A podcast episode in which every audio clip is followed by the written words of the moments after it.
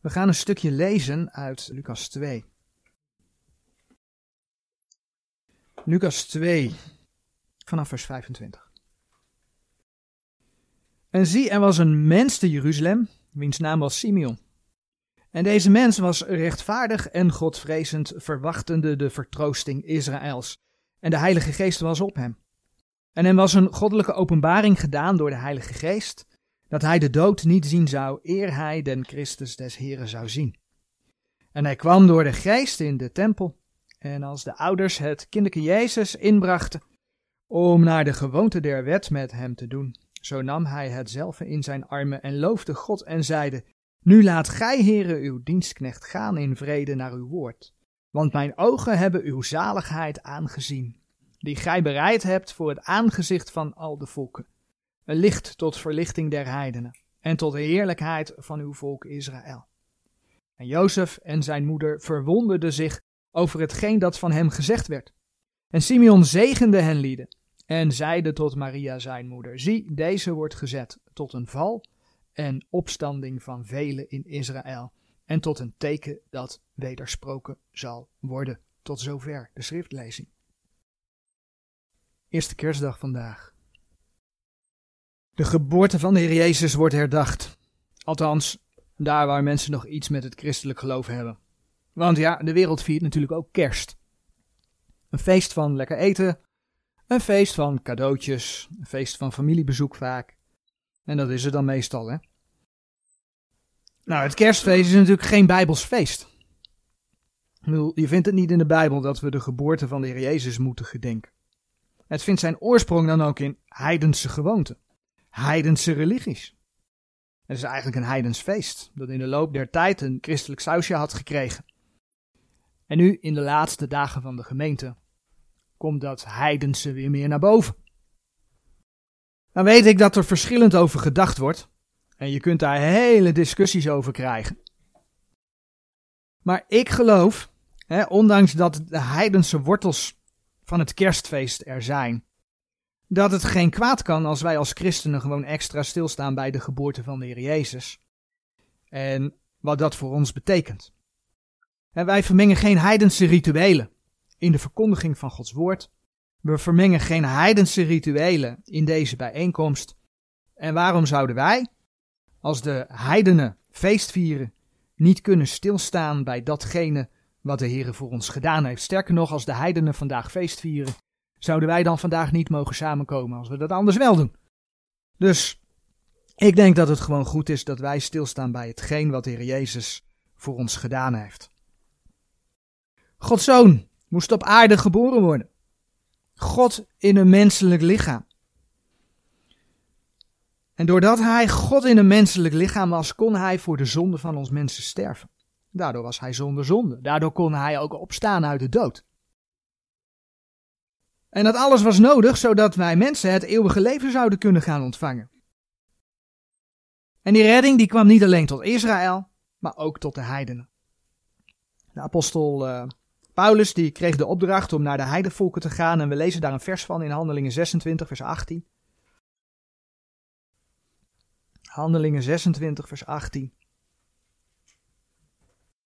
Om hun ogen te openen en hen te bekeren van de duisternis tot het licht en van de macht des Satans tot God, opdat zij vergeving der zonde ontvangen en een erfdeel onder de geheiligden door het geloof in mij.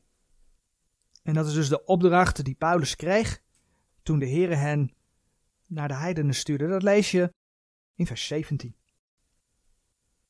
Ja, en dat alles werd in eerste instantie mogelijk doordat God in een menselijk lichaam naar deze aarde kwam, door de vleeswording van de Heer Jezus Christus. Dat heeft Hij voor ons, dat heeft Hij voor u, dat heeft Hij voor jou, dat heeft Hij voor mij gedaan.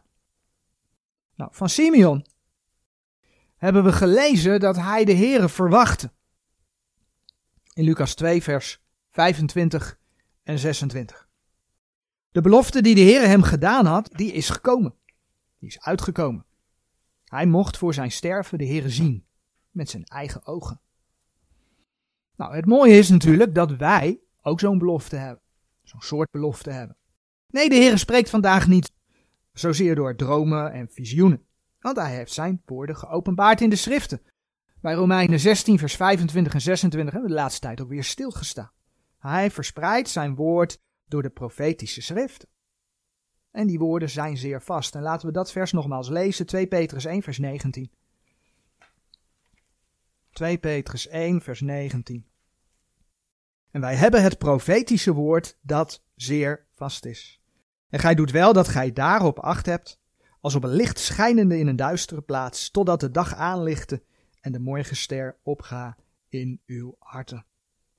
Nog voor zijn sterven, dan bladeren we terug naar Johannes, Johannes 14. Nog voor zijn sterven en voor zijn opstanding leerde de Heer Jezus zijn discipelen wat hij in Johannes 14, vers 3 zei. Johannes 14, vers 3. En zo wanneer ik heen zal gegaan zijn, en u plaats zal bereid hebben, zo kom ik weder, en zal u tot mij nemen, opdat gij ook zijn moogt waar ik ben. Dat zei de Heer Jezus al tegen zijn discipelen. Zo laten zijn woorden zien dat er een moment komt dat hij terugkomt, dat hij met zijn voeten op de aarde zal staan. Openbaring 1, vers 7. Maar ook laten zijn woorden zien dat voordat de grote verdrukking over deze aarde komt, voordat zijn toren over de aarde gaat, dat de Heer terugkomt in de lucht om zijn kinderen thuis te halen. Bijbelgedeelte wat we allemaal wel kennen, 1 Thessalonicense 4 vers 13 tot en met 18 gaat daarover. En 1 Thessalonicense 4 vers 18 zegt dan zo dan, vertroost elkander met deze woorden. Het zijn vertroostende woorden. Je mag naar de Here uitzien. Titus 2 vers 13, voor Hebreeën, komt Filemon en daarvoor zit Titus. Titus 2 vers 13 spreekt over de zalige hoop.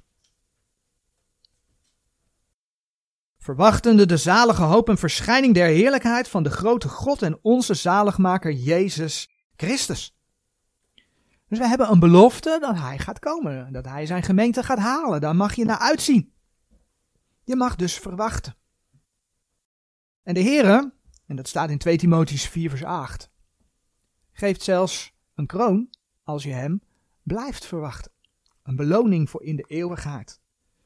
De kronen die ook bepalen of je zult meeregeren met hem in zijn koninkrijk. Nou, Simeon wist afgemeten aan zijn leven wanneer de Heer zou komen. Hij zou voor zijn sterven komen, want hij zou de Heer zien. En dat is gebeurd. Nou, dat is iets wat we in deze tijd niet weten. We weten niet het moment wanneer de Heer terugkomt op aarde. Matthäus 24, vers 36 spreekt daarover. En we weten dus ook niet wanneer de Heer zijn gemeente komt halen. We weten het niet. We weten niet de dag, we weten niet het uur. En ja, we zien de tekenen der tijden. We zien om ons heen waar deze wereld op afstevend. Als we naar Matthäus 16 bladeren. Matthäus 16, vers 3. Dan zien we wat de Heer Jezus tegen de Fariseeën en Sadduceeën gezegd heeft. Matthäus 16, vers 3. En des morgens heden onweder, want de hemel is droevig rood. Gij geveinsde, het aanschijn des hemels weet gij wel te onderscheiden, en kunt gij de tekenen der tijden niet onderscheiden. Net als Simeon hadden de Joodse schriftgeleerden kunnen weten wie de Heer Jezus was. De schriften gingen met hem in vervulling. Als we bijvoorbeeld in eh, Jesaja 53 kijken. Jesaja 53 vers 4. Dan staat daar geschreven, waarlijk, hij heeft onze krankheden op zich genomen en onze smarten, die heeft hij gedragen. En als je dan in Matthäus 8 gaat kijken, dan zie je dus met het feit dat Heer Jezus de zieke genas, dat dit in vervulling is gegaan. Hij stilde de storm en deed de golven stilzwijgen, zoals Psalm 107 vers 29 zegt.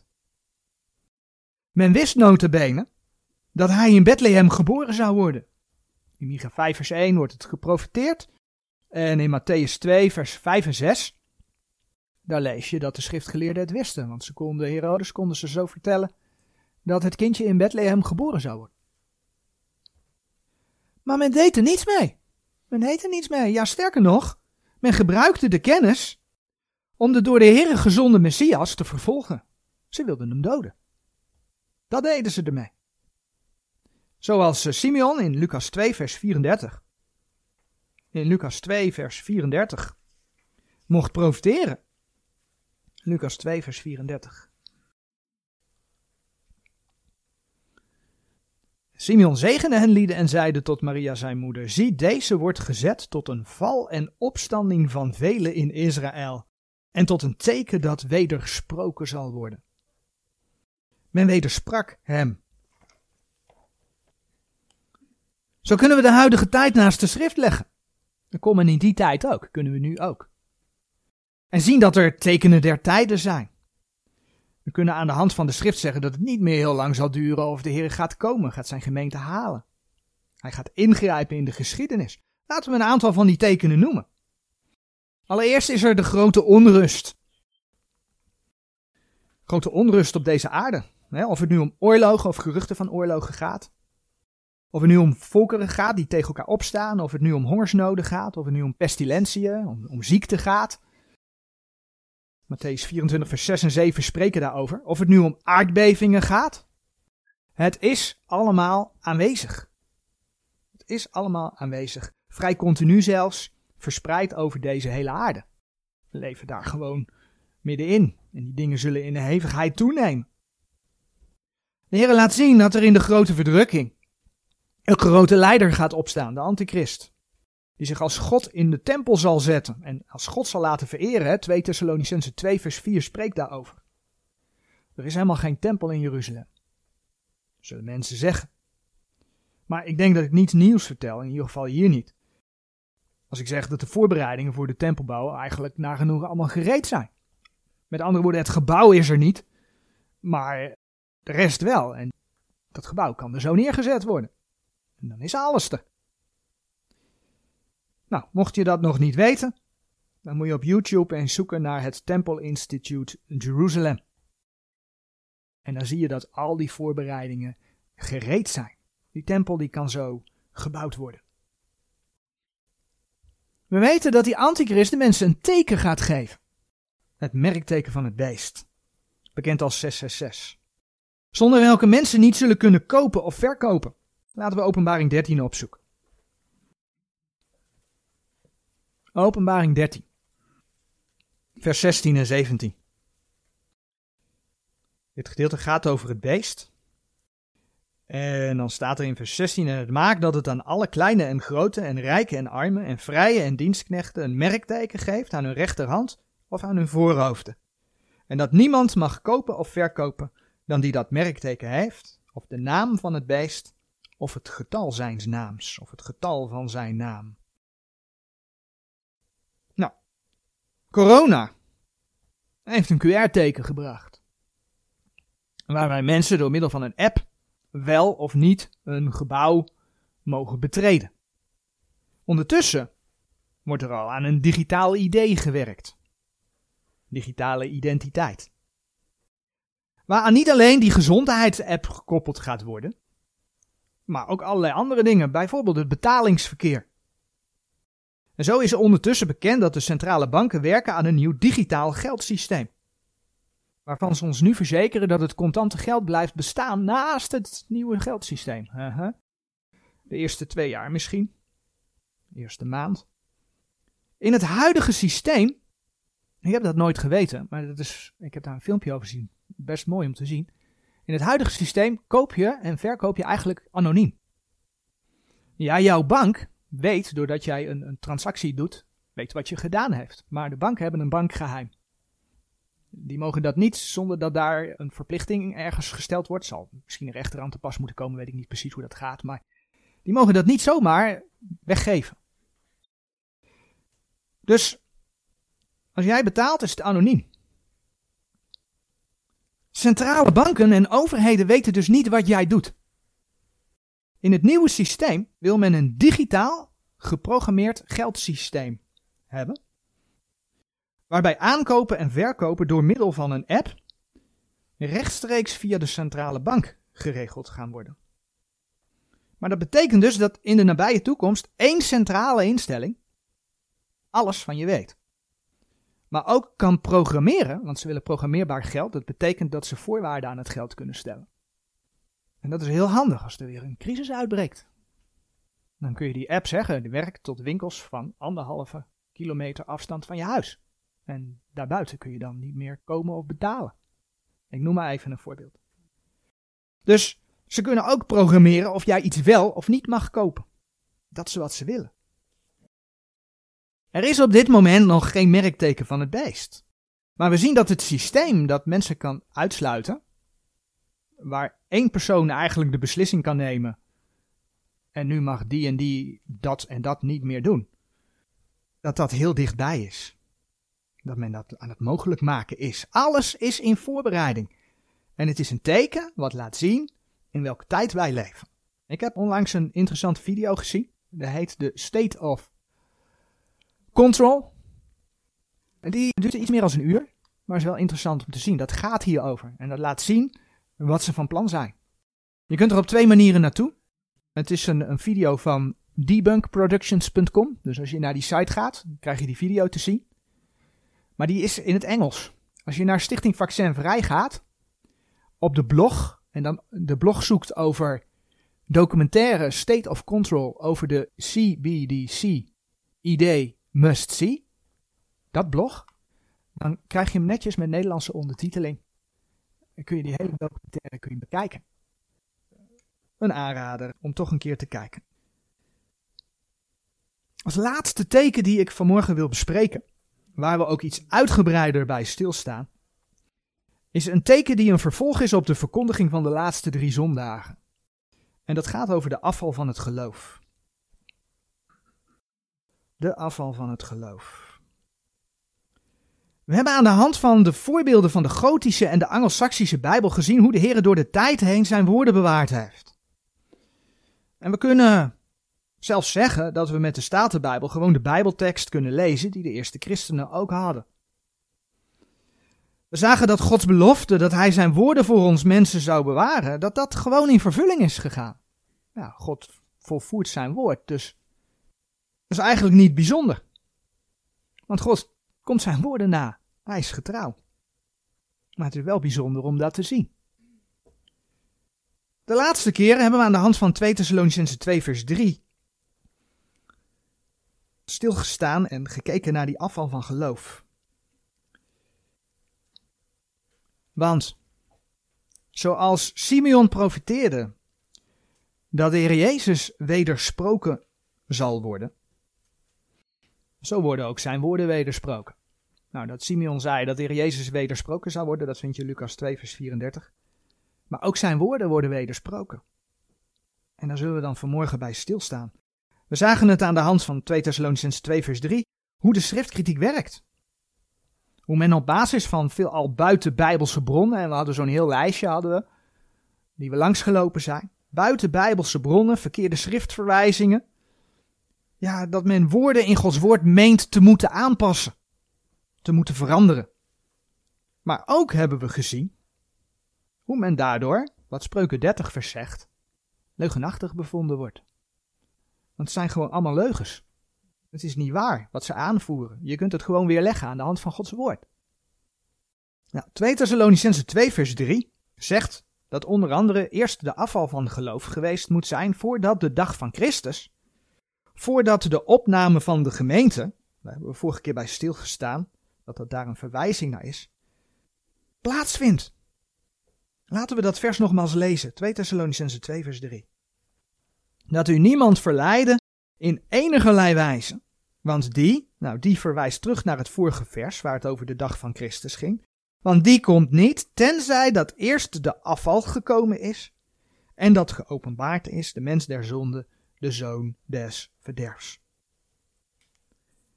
Vorige week zondag zagen we in de boodschap de Bijbeltekst geloven. Dat als er afval geschreven staat, dat je dat ook gewoon mag geloven dat dat er staat. Door schrift met schrift vergelijken, hebben we handelingen 21 vers 21 gezien, zagen we dat het wel degelijk over afval van geloof gaat. Het feit dat de Heer zegt dat eerst de afval van het geloof geweest moet zijn, maakt dus dat de afval van geloof ook een teken van de tijd is. Het feit dat de Heer zegt dat voordat de dag van Christus kan plaatsvinden, eerst de afval van geloof geweest moet zijn, maakt dat de afval van geloof een teken van de tijd is. En notabene, dat wordt tegen de gemeente gezegd, de meeste tekenen wijzen eigenlijk naar de tweede komst. Maar dit teken, dat is een teken wat laat zien dat de dag van Christus, dat de opname van de gemeente nabij is. Het is eigenlijk een teken van de tijd, speciaal voor de gemeente. Maar ja, dan komen er diverse bijbelleraren en die zeggen dat het in 2 Thessalonicense 2 vers 3 niet over de afval van het geloof gaat. Dus zijn er mensen die zeggen, er is helemaal geen afval van het geloof. Nou, in de eerste plaats zou ik willen zeggen, beste mensen, kijk om je heen, in het zogenaamde christelijke wereldje van vandaag de dag, en stel jezelf de volgende vragen. Waar wordt nog schrift met schrift vergeleken? Waar wordt de schrift nog recht gesneden? Waar durft men nog te gaan staan op de belofte dat de Heere God zijn woorden bewaard heeft? In welke gemeente gaat er nog steeds geen vrouw voor? En nee, dan hebben we het niet alleen over de PKN, dan hebben we het ook over diverse evangelische en baptistengemeenten. Waar werkt men in kerken tegenwoordig niet mee aan de seksperversie van Sodom? En zo kunnen we nog wel even doorgaan. Dat zijn er maar weinigen. Er is wel degelijk afval van geloof. Het gaat om gelovigen in elk geval mensen die ook zeggen te geloven, die afdwalen van wat de Heer gezegd heeft. En daar spelen zijn woorden dus een belangrijke rol in. Niet dat die woorden aanzetten tot de afval, maar hoe mensen met die woorden omgaan. Dat speelt daar een belangrijke rol in. Nou, ik wil graag nog één citaat bekijken uit de artikelen die ik vorige week besproken heb. Het Engelse artikel van Bible Food for Hungry Christians, dat is een blog waar Bob Jones een vraag beantwoordt over 2 Thessalonicense 2 en daar citeer ik een stukje uit. Ik heb het vertaald naar het Nederlands. Het citaat begint. Denk er eens over na. Als de afval waar Paulus naar verwijst een duidelijke periode is van afval, van afvallen van de waarheid, en de wereld door de donkere middeleeuwen is gegaan toen christenen werden vervolgd en bijbels werden verbrand, dan zou Paulus de periode van het afvallen van de waarheid bedoelen, die erger zou zijn dan de donkere middeleeuwen. En het zou nog steeds in de toekomst zijn en de opname zou niet kunnen plaatsvinden totdat het komt. Dit past niet in het Gods geopenbaarde plan voor de aarde en de mensheid. Dat zegt Bob Jones. Het vertaalde artikel door Mark Verhoeven heeft dit bovenstaande stukje niet vertaald. In dat artikel is dat bovenstaande stukje niet vertaald. Wel zegt dat artikel, dat vertaalde artikel, het volgende. Wat overigens ook het Engelse artikel heeft. Maar ik, ik citeer dus nu even uit het Nederlandse artikel. Als Paulus zou verwezen hebben naar een algemene afvalligheid van de waarheid, zou dat niets bewezen hebben voor de Thessalonicensen, omdat er al afvalligheid in die tijd was. En doorheen de hele kerkbedeling zouden er perioden zijn van grote afvalligheid. In het laatste citaat gaat men terug naar de algemene afval. Het bijzondere is dat zowel Bob Jones als Mark Verhoeven in hun artikel beschrijven dat het Griekse lidwoord voor dat Griekse woordje staat, waardoor het de afval of het vertrek wat zij er dan van maken zou zijn. Waardoor het dus om een speciaal vertrek hè, in hun ogen zou gaan. Maar voor de afval van geloof wordt hier dan even teruggaan op de algemene afval. Feit is dat Bob Jones niet in een grotere afval gelooft dan de middeleeuwen. Maar ook Mark Verhoeven kennelijk niet. Mark Verhoeven zegt: doorheen de hele kerkbedeling zouden er perioden van grote afvalligheid zijn. En Bob Jones zegt over de afval die nog voor de opname moet plaatsvinden: dat past niet in Gods geopenbaarde plan voor de aarde en de mensheid. Weet je, dat alles gaat regelrecht tegen het woord van God in. De Heere God laat namelijk juist wel zien dat er een tijd komt waarin alles nog veel erger is dan dat er ooit geweest is.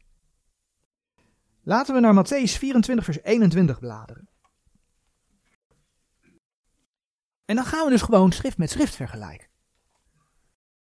Matthäus 24, vers 21. Want als dan zal grote verdrukking wezen hoedanige niet is geweest van het begin der wereld tot nu toe, en ook niet zijn zal. Nog een keertje, want als dan zal grote verdrukking wezen, hoedanige niet is geweest van het begin der wereld tot nu toe en ook niet zijn zal. De middeleeuwen is niet de ergste periode die er geweest is. Het gaat gewoon nog veel erger worden. Dat is wat God zegt. Of het nou om christenvervolgingen gaat, of het nou om bijbelverbranding gaat, maar ook alle andere hè, dingen, hè, oorlogen, natuurrampen, noem maar op, die zullen gewoon erger wezen dan dat er ooit geweest is. Dat zegt Gods woord. Nu weet ik dat dat, die tekst, hè, Matthäus 24 vers 31, over de grote verdrukking gaat. Dat weet ik. Maar waarom zou de aanloop er naartoe niet erg wezen of erger wezen, als het namelijk in die tijd erger dan ooit moet wezen? Weet je, het is Gods woord dat in Openbaring 2 en Openbaring 3 laat zien hoe de kerkgeschiedenis zich zal ontwikkelen. Profetisch. En ja, door de hele geschiedenis heen, dat klopt. Daar heeft Mark Verhoeven gelijk in. Door de hele geschiedenis heen is er afval van geloof. Dat klopt. Maar ook weer een opwekking. Ik heb ooit dit schemaatje laten zien. Als je de, de kerkgeschiedenis aan de hand van openbaring 2 en 3 doorloopt, dan zie je dat er afval van geloof is. Tot een dieptepunt. En dan komt de periode van Philadelphia. En dan gaan mensen Gods woord bewaren. Dan zijn mensen trouw aan Gods woord. Alleen na Philadelphia komt Laodicea. De Heer laat de kerkgeschiedenis eindigen met Laodicea. En dan bladeren we naar openbaring 3. En dan zien we dat de Heer daar tegen die lokale gemeente Laodicea zegt. Maar wat dus staat voor de kerkperiode. Van de eindtijd, zeg maar. Openbaring 3, vers 16. Zo dan, omdat gij lauw zijt en nog koud, nog heet, ik zal u uit mijn mond spuwen, zegt de Heer. Dat zegt God. Vers 17. Want gij zegt, ik ben rijk en verrijkt geworden. We denken allemaal zo rijk te zijn. Ik ben rijk en verrijkt geworden. En hebt geen dings gebrek. En gij weet niet dat gij zijt ellendig en jammerlijk en arm en blind en naakt. Het gaat over de gelovigen ja, in de periode Laodicea. De laatste periode van de gemeentetijd. En weet je, het gaat niet zozeer om de wereld, maar het gaat hier om gelovigen die denken rijk te zijn.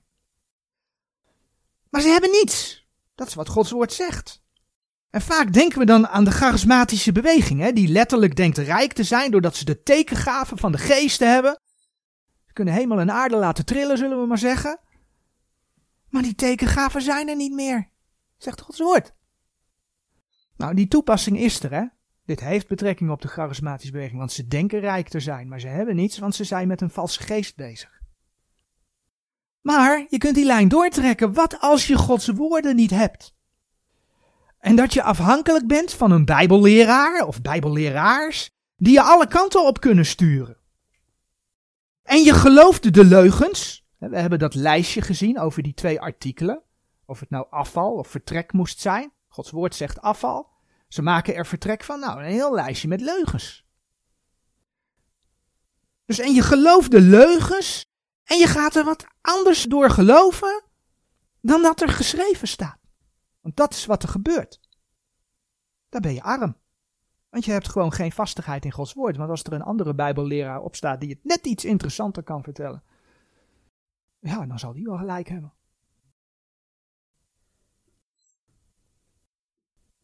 Dan ben je arm. Dan komt het zover dat mensen dus denken rijk te zijn. Maar, openbaring 3, vers 20, de Heer Jezus staat buiten aan de deur te kloppen. Klop, klop, mag ik binnen? Openbaring 3, vers 20. Omdat mensen zijn woorden verworpen hebben. Nou, Bob Jones gelooft dus niet dat er een grote afval komt voordat de gemeente opgenomen wordt. Want dat heeft hij met zoveel woorden uitgesproken. Maar toch laat Gods woord zien dat na Laodicea, openbaring 3, openbaring 4 vers 1 komt, waarin als type van de opname van de gemeente Johannes wordt opgenomen in de hemel. Openbaring 4 vers 1.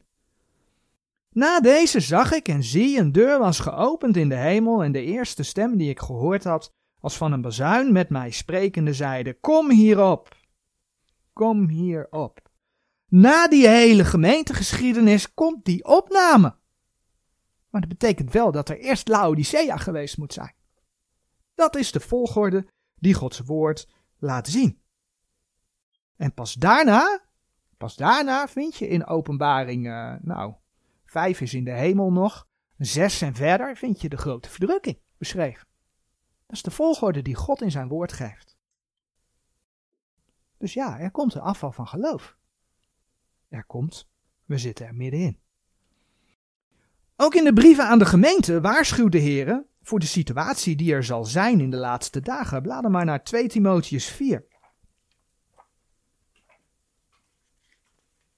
2 Timotheus 4, de versen 3 tot en met 4. Want er zal een tijd zijn wanneer zij de gezonde leer niet zullen verdragen, maar ketelachtig zijnde van gehoor, zullen zij zichzelf een leraars opgaderen naar hun eigen begeerlijkheden, en zullen hun gehoor van de waarheid afwenden, en zullen zich keren tot fabelen. Mensen zoeken de leraars uit naar hun eigen begeerlijkheden. Klaarblijkelijk is de maatstaf niet of ze Gods woorden bewaren. Het gaat om hun begeerlijkheden. Nou, ze keren zich zelfs tot fabelen. We hebben gezien waar dat bij het NBG, het Nederlands Bijbelgenootschap, toe geleid heeft. De Heer Jezus is een legende. De opstanding is niet reëel. En uh, God wordt verklaard uit het Griekse pantheon. Allemaal voorbeelden die ik in het verleden wel eens de revue heb laten passeren. Maar we zagen het ook in de boodschap van vorige week. Hoe zogenaamde bijbelgetrouwe bijbelleraren de bijbeltekst aanpassen op basis van buitenbijbelse bronnen en verkeerde schriftverwijzingen, terwijl men de echte tekst waar het om ging, ja, die liet men eigenlijk maar links liggen. Die besprak men verder niet echt. Men geeft, zoals Gods woord zegt, meer waarde aan fabels. Verhaaltjes die door mensen verzonnen zijn. En de mensen, en dat is het trieste, de mensen die slikken dat, de mensen die volgen dat. Dat is de afval van het geloof. En dat is erger dan in de middeleeuwen. Nu al. Ik bedoel, de vervolging gaat nog komen en die zal heviger zijn, letterlijk heviger zijn dan in de middeleeuwen, maar het is nu al erger. Waarom is het nu erger? Omdat je in de middeleeuwen de Rooms-Katholieke Kerk had, die de Bijbelgetrouwen of Bijbelgelovigen in die tijd vervolgde. En die hun Bijbels afpakte en verbrandde. Ik heb toen dat kaartje laten zien met die plekken waar al die mensen die meer Bijbelgetrouw waren woonden dan de Rooms-Katholieken en die vervolgd werden. Die waren wijdverbreid over Europa aanwezig. Maar nou komt het, nu zijn het de mensen die zich Bijbelgetrouw noemen, die de schrift weliswaar op dit moment niet letterlijk met vuur verbranden, maar op basis van schriftkritiek Gods woorden ja, wegnemen. Is toch hetzelfde? Of je het nou in het vuur gooit of je zegt gewoon dit staat er niet en je vult er je eigen, je eigen tekst voor in.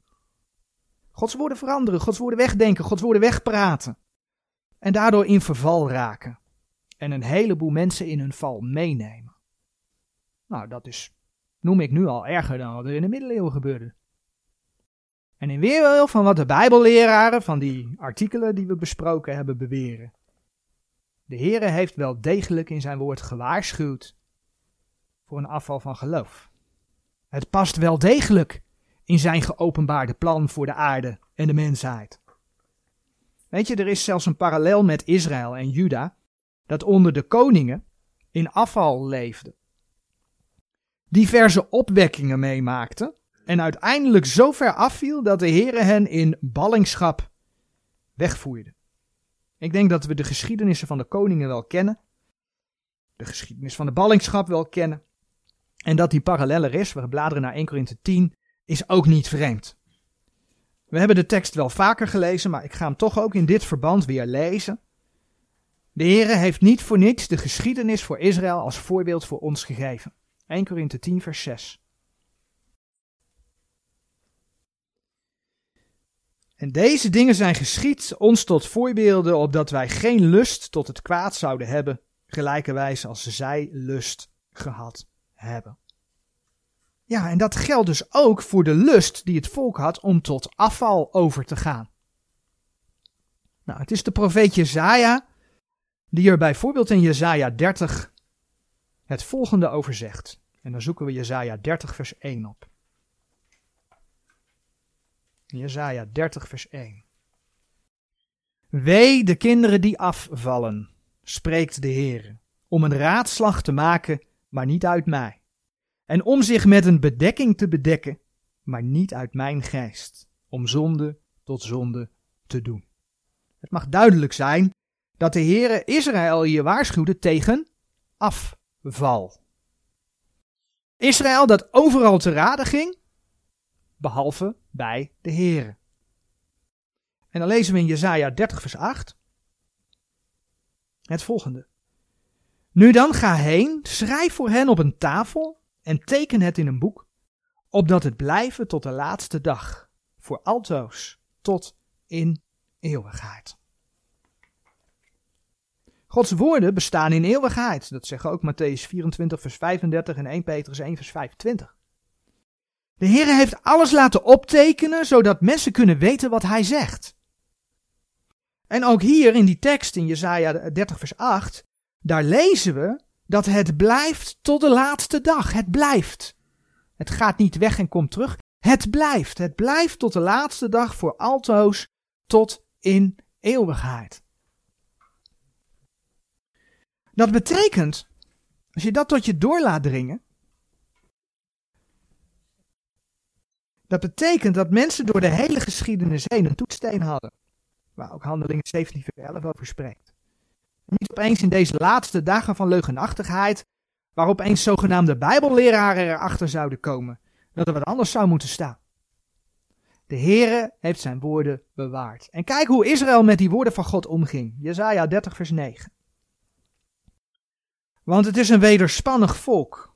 Het zijn leugenachtige kinderen. Kinderen die des Heeren wet niet horen willen. Ze willen Gods woorden niet horen. Weet je wat ze wel willen? Ze willen zachte dingen horen. Ketelachtig zijn van God. Ze willen zachte dingen horen.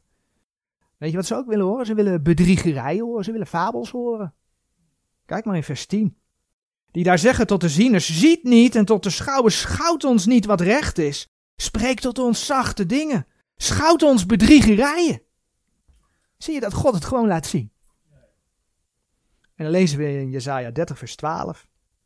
Daarom zo zegt de heilige Israëls, omdat gij lieden dit woord verwerpt. Omdat gij lieden dit woord verwerpt. En vertrouwt op onderdrukking en verkeerdheid. En steunt daarop. Daarom lees je dan in het vervolg worden ze verbroken. Jesaja 30 vers 14. Maar het gaat er dus om dat Israël Gods woorden verwierp. Je kunt daar ook Jeremia 23 vers 36 bij opzoeken bijvoorbeeld. Dat was de oorzaak van Israëls afval. En ik hoorde net al zeggen, dat lijkt Nederland wel. Ja, weet je, het is vandaag de dag niet anders. Het is vandaag de dag niet anders. Toen na de Reformatie de schriftkritiek opkwam, en zo ongeveer vanaf 1880 na Christus in de nieuwe vertalingen verwerkt werd, begon die afval van geloof. Men verwierp de woorden van God. Waardoor nu zelfs in kringen, hè, die in Nederland van ouds bekend staan als bijbelgetrouw, ja, mensen het heel normaal vinden dat als het woord ze niet uitkomt, nou weet je, dan kijken we even in het Grieks, dan kijken we even in het Hebreeuws, oh ja, dat woord dat past beter en men past de tekst aan. Zo werkt het tegenwoordig. Maar we hebben gezien aan de hand van het voorbeeld van 2 Thessalonicense 2 vers 3, hoe men dan aantoonbaar leugenachtig bevonden wordt. Spreuken 30 vers 6 zegt dat gewoon letterlijk. Hè? Als je dat nog een keer wil opzoeken, dan kan dat. Spreuken 30 vers 6. Men wordt dan aantoonbaar leugenachtig als men Gods woorden gaat veranderen. Er komt een moment dat de Heere zijn kinderen, de wederomgeboren, er midden tussenuit haalt. Nog even een opmerking voor de zekerheid. Het lichaam van Christus is echt niet alleen de Bijbelgelovigen. Die vinden we ook in de kringen waar ze de schriftkritiek bedrijven. En als de Heer terugkomt, mensen die daar, ondanks alle schriftkritiek, wel hun hart aan de Heer Jezus hebben gegeven, wederom geboren zijn, die gaat hij ook opnemen. Die gaat hij opnemen. Die worden thuis gehad. Alleen ja, voor de rechterstoel van Christus moeten ze verantwoording afleggen over wat ze gedaan hebben. Ze Gods woorden verworpen hebben, moeten ze verantwoording over afleggen. En reken maar dat de mensen die dat in de verkondiging gebracht hebben, een zwaarder oordeel wacht dan mensen die misleid zijn. Maar de Heer gaat een keer ingrijpen. Hij gaat terugkomen. Laodicea, we hebben dat gelezen in de openbaring, die, die gaat hij uitspugen. Spreuken 13 vers 13 is wel mooi om daarbij op te zoeken. Spreuken 13 vers 13. Die het woord veracht, zal verdorven worden. Maar wie het gebod vreest, die zal vergolden worden. En vergolden, dat is beloond worden. Die het woord veracht, die zal verdorven worden, maar wie het gebod vreest, die zal vergolden worden. De afval van geloof, het verwerpen van Gods woorden, leidt ertoe dat steeds meer mensen openstaan voor ecumenen. We hebben het al eerder over gehad. Dat steeds meer mensen openstaan voor de terugkeer naar Rome. Dat is wat we vandaag de dag om ons heen zien gebeuren. Dat is wat, wat ik ook zichtbaar gemaakt heb in dit schema. Het grote kamp.